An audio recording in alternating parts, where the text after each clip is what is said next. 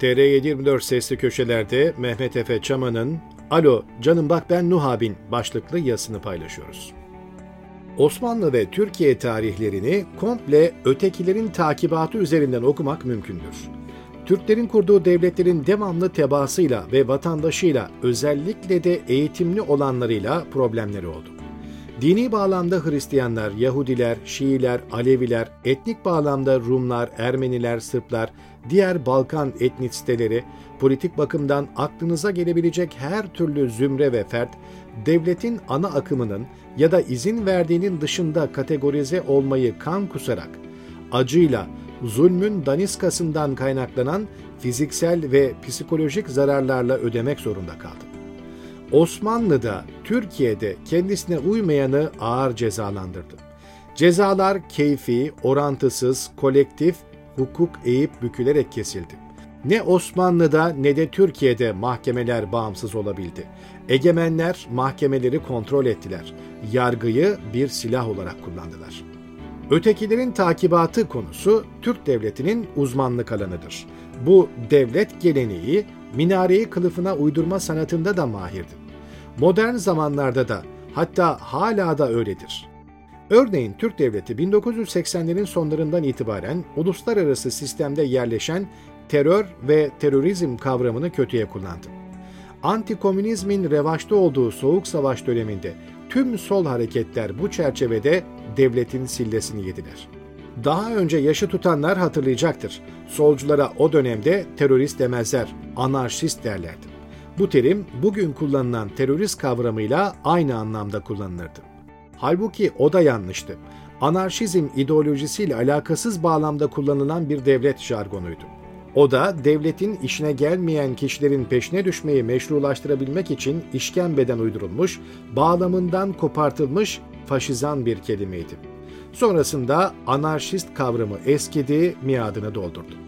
1990'lardan itibaren uluslararası terörizmin tırmanışa geçmesiyle beraber devlet de dilini değiştirdi.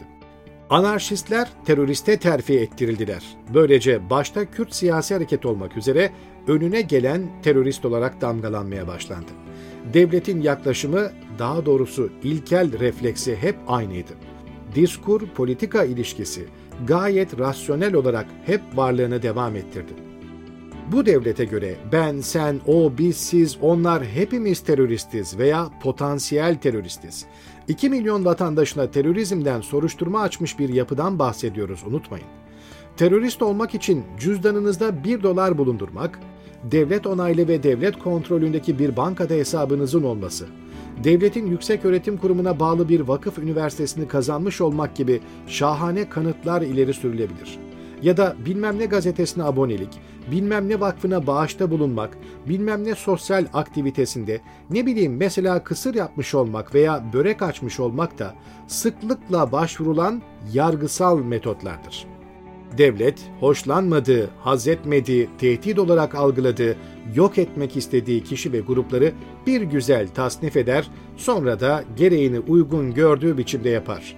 Siz de terörist olmasaydınız birader, değil mi ya? Şimdi işin enteresan bir boyutuna değinmeden geçmek olmaz. O da şudur.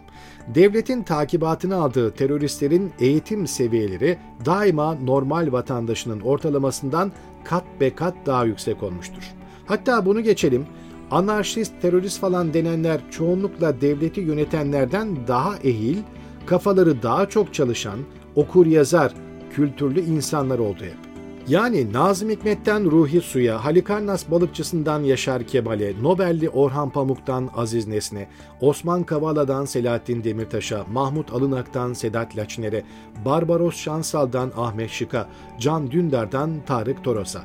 Aklınıza gelebilecek her türlü gruptan, mahalleden ve klandan kişi bu devlet tarafından bir şekilde terörizmle ve teröristlikle ilintilendirildi, ilintilendiriliyor, ilintilendirilecek.'' Şimdi son olarak Cevher'i güvene takmışlar. İşte o tetikçinin iftira yuvası diyor ya sabah şeysi. Gazetecilik kisvesi altında fitnecilik yapıyormuş. Laflara bak. Almanya'daki evini kara propaganda üstüne çevirmiş. FETÖ'nün propaganda imamıymış falan da filan. Sözde sabah denen kanalizasyon pravdası gazeteci Cevheri Güven'in Almanya'da yaşadığı evi buluyor. Terörist Güven'i sokak ortasında ellerinde alışveriş torbalarıyla fotoğraflıyor, iyi mi? Tabi onu nasıl buluyorlar, hatta kim buluyor, tümünün adresi aynı yere çıkacaktır. Türk istihbaratı tüm devlet geleneğinin en güzel tezahür ettiği kurumlardan biri neticede değil mi ya?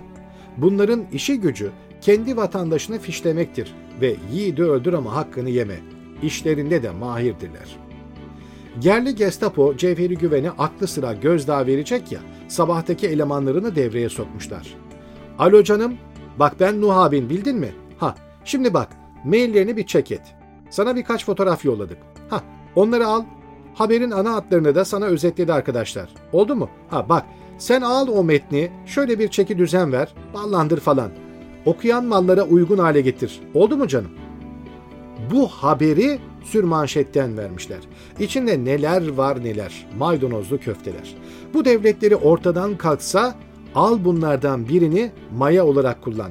Küllerinden doğar bin yıllık devlet gelenekleri gene. O biçim. Haber tam bir jurnal aslında. Gerçeğin manipülasyonu konusunda master hatta doktora tezi olabilir ileride basın yayın alanında. Gazeteci nasıl hedef gösterilir konulu derin istihbarat çalışması da olmaya aday. Yani disiplinler arası yarışıyor haber. Bunu okuyanın Türkiye'de muteber vatandaş olmama ihtimali var mı ya?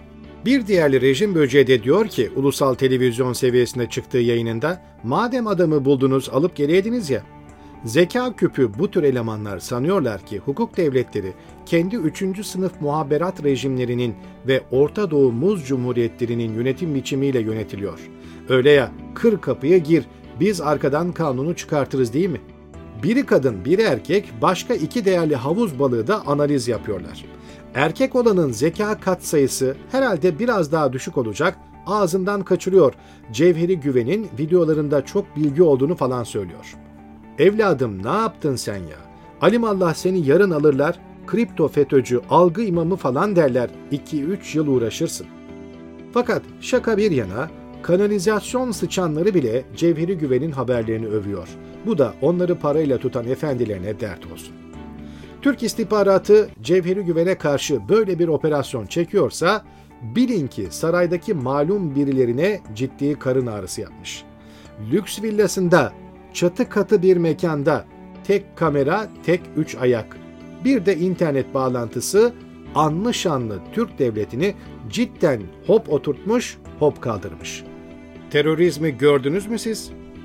Ne diyorlar biliyor musunuz? Bizi rahat bırakın diyorlar. Adamlar organize işlerine devam etmek, rahat hortumlamak istiyor. Rahat insan hacamatlamak istiyor.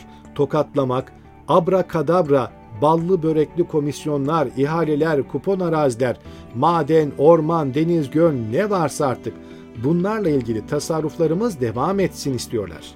Motivasyonları böyle büyük olunca haliyle güçlü, kudretli devletlerinin eli Frankfurtlara kadar uzanıyor. Cevheri güven gibileri bu olan biteni görebildikleri kadarıyla toplumla paylaşınca birileri işkilleniyor, rahatsız oluyor.